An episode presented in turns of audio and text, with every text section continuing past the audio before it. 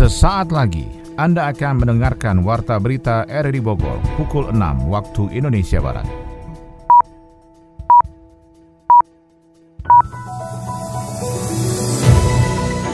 Selamat pagi dan salam jumpa. Kami kembali hadir dalam Warta Berita RRI Bogor pagi ini edisi Kamis 11 Februari 2021.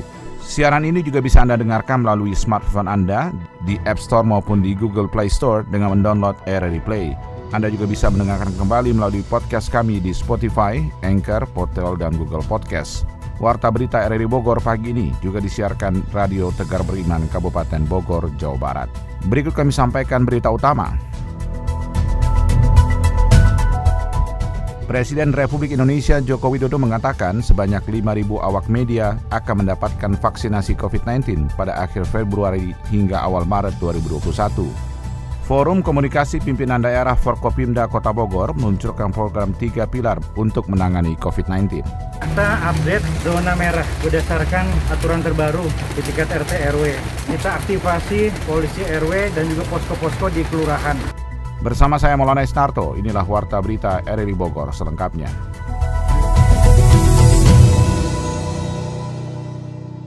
Presiden Republik Indonesia Jokowi mengatakan sebanyak 5.000 awak media akan mendapatkan vaksin COVID-19 pada akhir Februari hingga awal Maret 2021.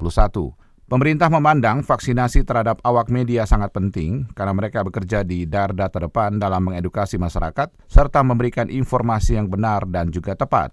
Hal itu dikatakan Jokowi saat memberikan sambutan dalam acara Hari Pers Nasional yang digelar secara virtual dari Istana Negara, Komplek Istana Kepresidenan Jakarta, Selasa kemarin. Presiden mengatakan sudah membahas dengan Ketua Dewan Pers Muhammad Nuh bahwa pemerintah akan menyediakan kuota sebanyak 5.000 dosis vaksin untuk jurnalis di seluruh Indonesia. Vaksin yang akan diberikan kepada awak media adalah CoronaVac dan Sinovac yang saat ini sedang diolah oleh PT Bio Farma sebanyak 12 juta bahan baku. Sementara di Bogor disampaikan bahwa Forum Komunikasi Pimpinan Daerah Forkopimda Kota Bogor meluncurkan program tiga pilar sebagai bagian untuk menangani COVID-19. Selengkapnya dilaporkan Sony Agung Saputra. Pemberlakuan PPKM skala mikro di wilayah Kota Bogor terus berlangsung dengan adanya pengetatan aktivitas masyarakat mengurangi dampak penularan COVID-19. Saat ini pemerintah Kota Bogor sudah ada beberapa program untuk mengendalikan COVID-19, salah satunya dengan adanya pemberlakuan ganjil genap kendaraan saat akhir pekan. Kemudian juga terdapat beberapa pelaksanaan program di tingkat TNI Polri untuk memaksimalkan memutus mata rantai penyebaran untuk mengakhiri pandemi ini. Wali Kota Bogor Bima Arya menjelaskan saat ini berupaya menurunkan angka COVID-19 dengan keluar dari zona merah. Langkah mengintensifkan peran dan fungsi musyawarah pimpinan kecamatan Muspika untuk mencegah menyebarnya virus COVID-19 di tengah masyarakat berlangsung secara maksimal. Menurut Bima Arya, upaya pencegahan itu harus terlihat dengan adanya pelaksanaan program hingga ke bawah oleh tiga pilar kecamatan, koramil, dan polsek yang harus bersinergi hingga ke pelosok RT dan RW. Kita update zona merah berdasarkan aturan terbaru di tingkat RT RW.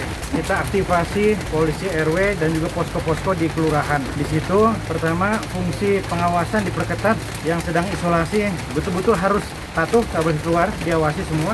Dan yang kedua yang merah-merah ini diawasi ketat oleh tiga pilar Kapolsek, Babinsa, Babinkamdipmas, Pak Camat dan turunan di bawahnya semua saya polisi RW dipastikan semuanya tidak ada pelanggaran aktivitas berkerumun warga, aktivitas sosial budaya tunda dulu. Jadi ini pengetatan tiga pilar ya, ASN, TNI, Polri turun sampai tingkat bawah. Evaluasi terhadap program tiga pilar itu akan menjadi perhatian untuk dapat menekan angka penyebaran COVID-19 sehingga Kota Bogor keluar dari zona merah. Aparatur Pemkot Bogor dan kecamatan di enam wilayah mulai menggelar musyawarah pembangunan daerah Musrenbang tahun 2022. Aparatur tingkat kecamatan menyusun musyawarah rencana pembangunan daerah Musrembang Pemkot Bogor tahun 2022. Dalam kegiatan itu semua kecamatan di enam wilayah menjabarkan seluruh program kerja dan rencana aksi kegiatan selama kurun waktu tahun 2022. Camat Bogor Utara Marse Saputra mengungkapkan dalam rencana pembangunan daerah tahun 2022 itu lebih ditekankan pada aspek pemulihan ekonomi setelah pada tahun 2020 dan tahun 2021 bangsa dan negara Indonesia termasuk di Kota Bogor terkena dampak COVID-19.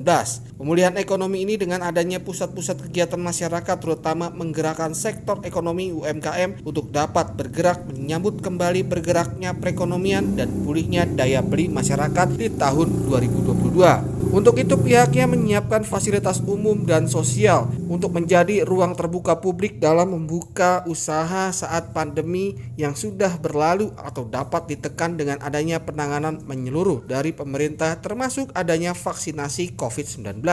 Musrembang tahun 2021 ini untuk perencanaan di tahun 2022 yang artinya menghadapi masa pandemi ya kita berharap pandemi telah selesai tinggal bagaimana meningkatkan atau menumbuh menumbuhkan perekonomian masyarakat setelah selama 2020 kemarin dan 2021 ini banyak terjadi penurunan-penurunan tingkat ekonomi di masyarakat. Fokus kami itu bagaimana peningkatan ekonomi di masyarakat dengan mengoptimalkan daya saing serta mengoptimalkan potensi-potensi yang ada di lokal atau di wilayah. Di tahun 2022 juga tengah menganggarkan adanya penanganan COVID-19 sebagai bagian menyeluruh memerangi dampak negatif dari pandemi yang saat ini masih berlangsung. Selain itu pihaknya juga melakukan penguatan masyarakat terutama dalam membentuk masyarakat tangguh COVID-19 sehingga bisa bergerak dan mempunyai daya tahan lebih kuat dalam menghadapi krisis saat pandemi berlangsung.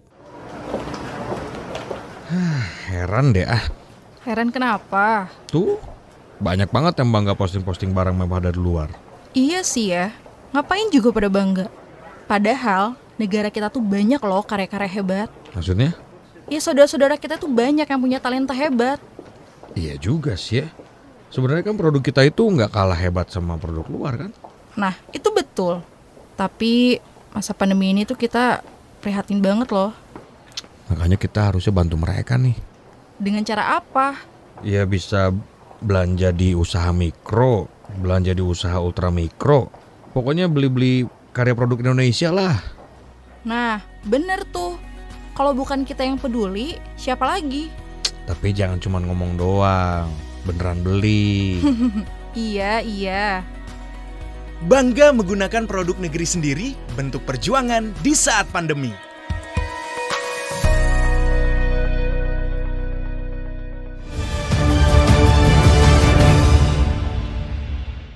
Beralih ke informasi lainnya tentang Gubernur Jawa Barat Ridwan Kamil menyampaikan update terbaru level kewaspadaan COVID-19 di Jawa Barat. Berdasarkan data terbaru, saat ini hanya ada satu daerah di Jawa Barat yang berstatus zona merah atau daerah dengan resiko tinggi COVID-19 yaitu Kota Bogor. Hal itu disampaikan Ridwan Kamil dalam press conference yang disiarkan pada Senin 8 Februari 2021 yang lalu. Sementara itu, Wali Kota Bogor Bima Arya terkait Kota Bogor yang menjadi satu-satunya kota di Jawa Barat yang masih berstatus zona merah mengatakan zona merah tinggal satu untuk pertama kalinya minggu lalu ada di 10 daerah. Berkat kerjasama semua pihak, kini hanya kota Bogor yang masih zona merah. Bima sedang bergelut dengan kebijakan pengetatan termasuk pemberlakuan ganjil genap dan penerapan PPKM secara mikro di tingkat RT RW. Anda sedang mendengarkan Warta Berita RRI Bogor. Jajaran Polres Bogor akhirnya mengungkap pelaku pembuangan limbah berbahaya berupa masker, APD, dan sisa penggunaan pasien serta ODP COVID-19 di Jalan Raya Tenjo, Kabupaten Bogor. Kita ikuti laporan Yofri Haryadi. Jajaran Polres Bogor akhirnya mengungkap pelaku pembuang limbah berbahaya berupa masker, APD, sisa penggunaan pasien dan ODP COVID-19 di Jalan Raya Tenjo, Kabupaten Bogor. Peristiwa yang bermula dari temuan warga di sebuah semak-semak berupa 17 karung berisi limbah medis COVID-19 akhirnya diketahui setelah penyidik mendalami plastik pembungkus kertas dan surat pengantar dari jasa pengiriman. Dan ternyata limbah tersebut berasal dari luar wilayah Bogor. Kapolres Bogor AKBP Harun menjelaskan ada dua tersangka yang kini diamankan petugas dari tempat persembunyiannya di DKI Jakarta. Tersangka tersebut inisial WD 37 tahun dan IP 21 tahun yang diketahui lari sejak 3 Februari setelah munculnya berita limbah berbahaya ditemukan warga di Jalan Retenjo, Kabupaten Bogor. Sementara seluruh limbah B3 yang tercecer sudah diamankan petugas dan dimusnahkan tim gugus tugas penanganan COVID di wilayah Parung Panjang dan Tenjo, Kabupaten Bogor. Bogor. Sampah ini didapat dari salah satu tempat atau hotel yang dijadikan tempat isolasi bagi OTG. Dijadikan tempat isolasi di pemerintah kota Tangerang. Ya, ini ada kerjasama MOU dengan Pemkot Tangerang 29 Desember 2020 sebagai tempat isolasi, tempat isolasi pasien COVID-19 di Kota Tangerang. Dari termin tersebut, dari pelaksanaan isolasi tersebut tentunya banyak sampah-sampah medis, sampah-sampah spesifik dan juga limbah kita limbah limbah ketiganya. Pelaku ditangkap petugas di lokasi yang berbeda dan pada 6 Februari petugas mendapatkan kedua pelaku itu. Petugas penyidik masih mengembangkan kepada otak tersangkanya dan mengarah kepada sebuah perusahaan swasta yang ada di Jakarta. Pemusnahan limbah bahan berbahaya dan beracun diduga dilakukan oleh rekanan pihak ketiga dari sebuah hotel yang menyediakan fasilitas isolasi pasien COVID di Tangerang, Banten. Pelaku menyamarkan badan usaha pengolahan limbah dengan sebuah usaha laundry yang kini dalam pengembangan petugas. Kemudian dari pihak hotel bekerja sama dengan PT AP untuk pengelolaan limbah ini. Kesepakatan bersama budgetnya 10 juta tiap kali pengambilan. Pertama 21 ini berat 300 kg, kemudian yang kedua di tanggal 23 ini seberat 400 kg. Mereka di tanpa sepengetahuan PT AP melakukan kerjasama lagi untuk mengolah limbah ini terhadap salah satu laundry. Ini hanya laundry bukan bukan perusahaan pengelola limbah. Modus pelaku membuang limbah B3 ke semak-semak adalah untuk mengurangi beban biaya pemusnahan limbah. Pelaku tidak hanya membuang limbah B3 di Tenjo saja, namun juga di semak-semak yang ada di Kecamatan Cigudeg. Kedua orang tersangka pembuang limbah B3 itu dijerat pasal 40 ayat 1 Undang-Undang Nomor 18 Tahun 2008 tentang pengelolaan sampah dengan ancaman hukuman penjara minimal 4 tahun dengan denda minimal 100 juta dan maksimal 5 miliar rupiah.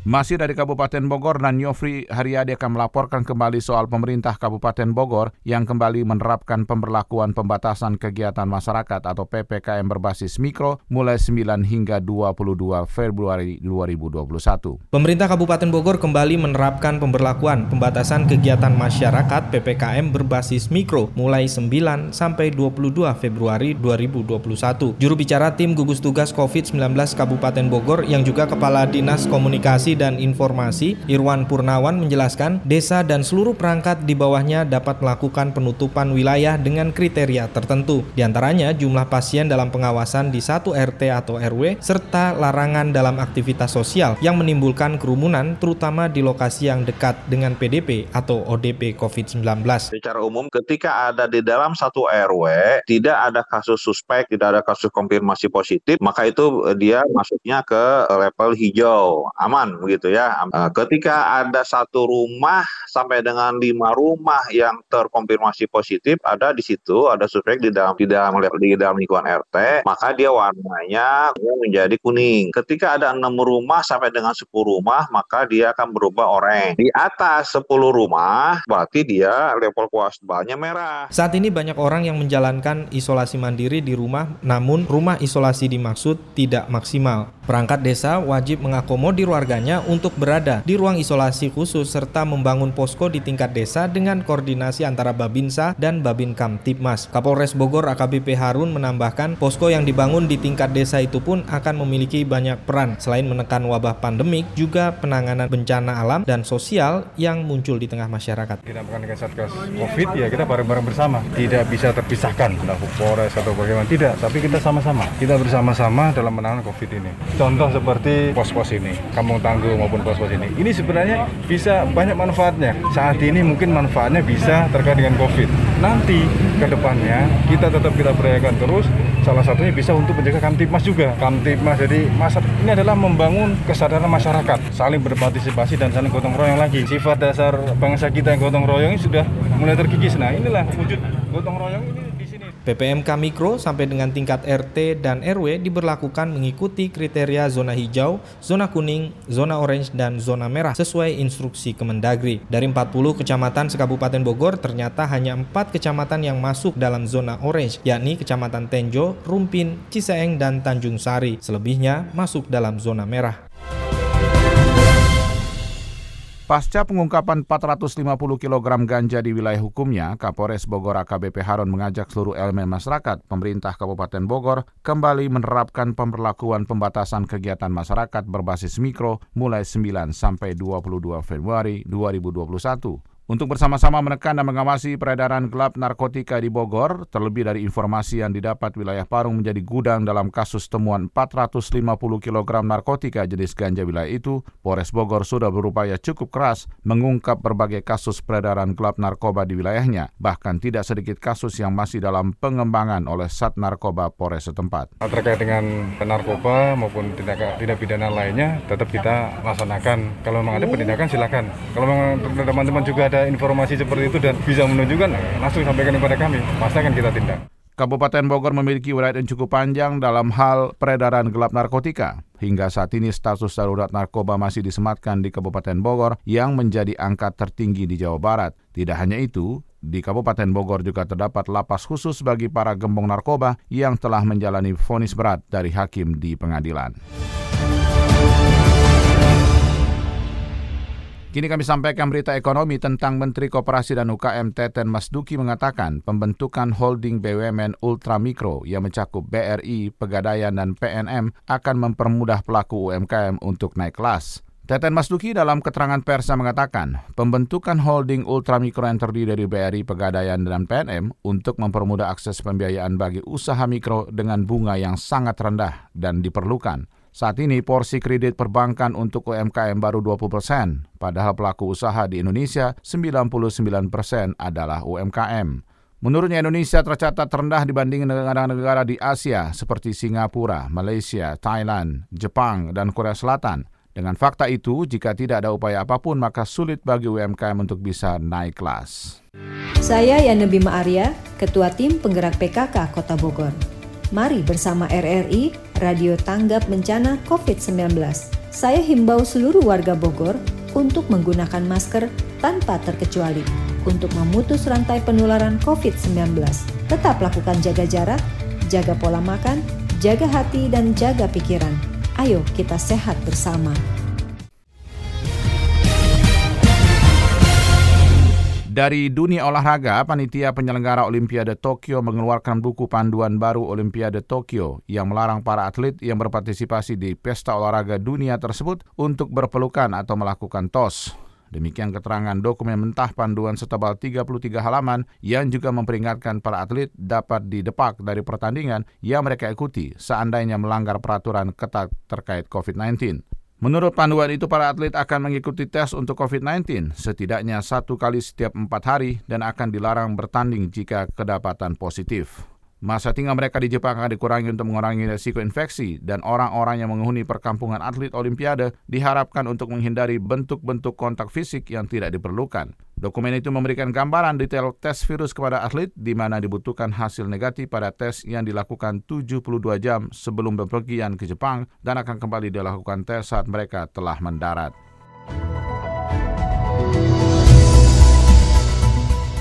Demikian informasi yang dapat kami sampaikan dari Warta Berita pagi ini, RRI Bogor. Berikut kita akan kembali sampaikan berita utama sebelum kami akhiri. Presiden Jokowi mengatakan sebanyak 5.000 awak media akan mendapatkan vaksin COVID-19 pada akhir Februari hingga awal Maret 2021.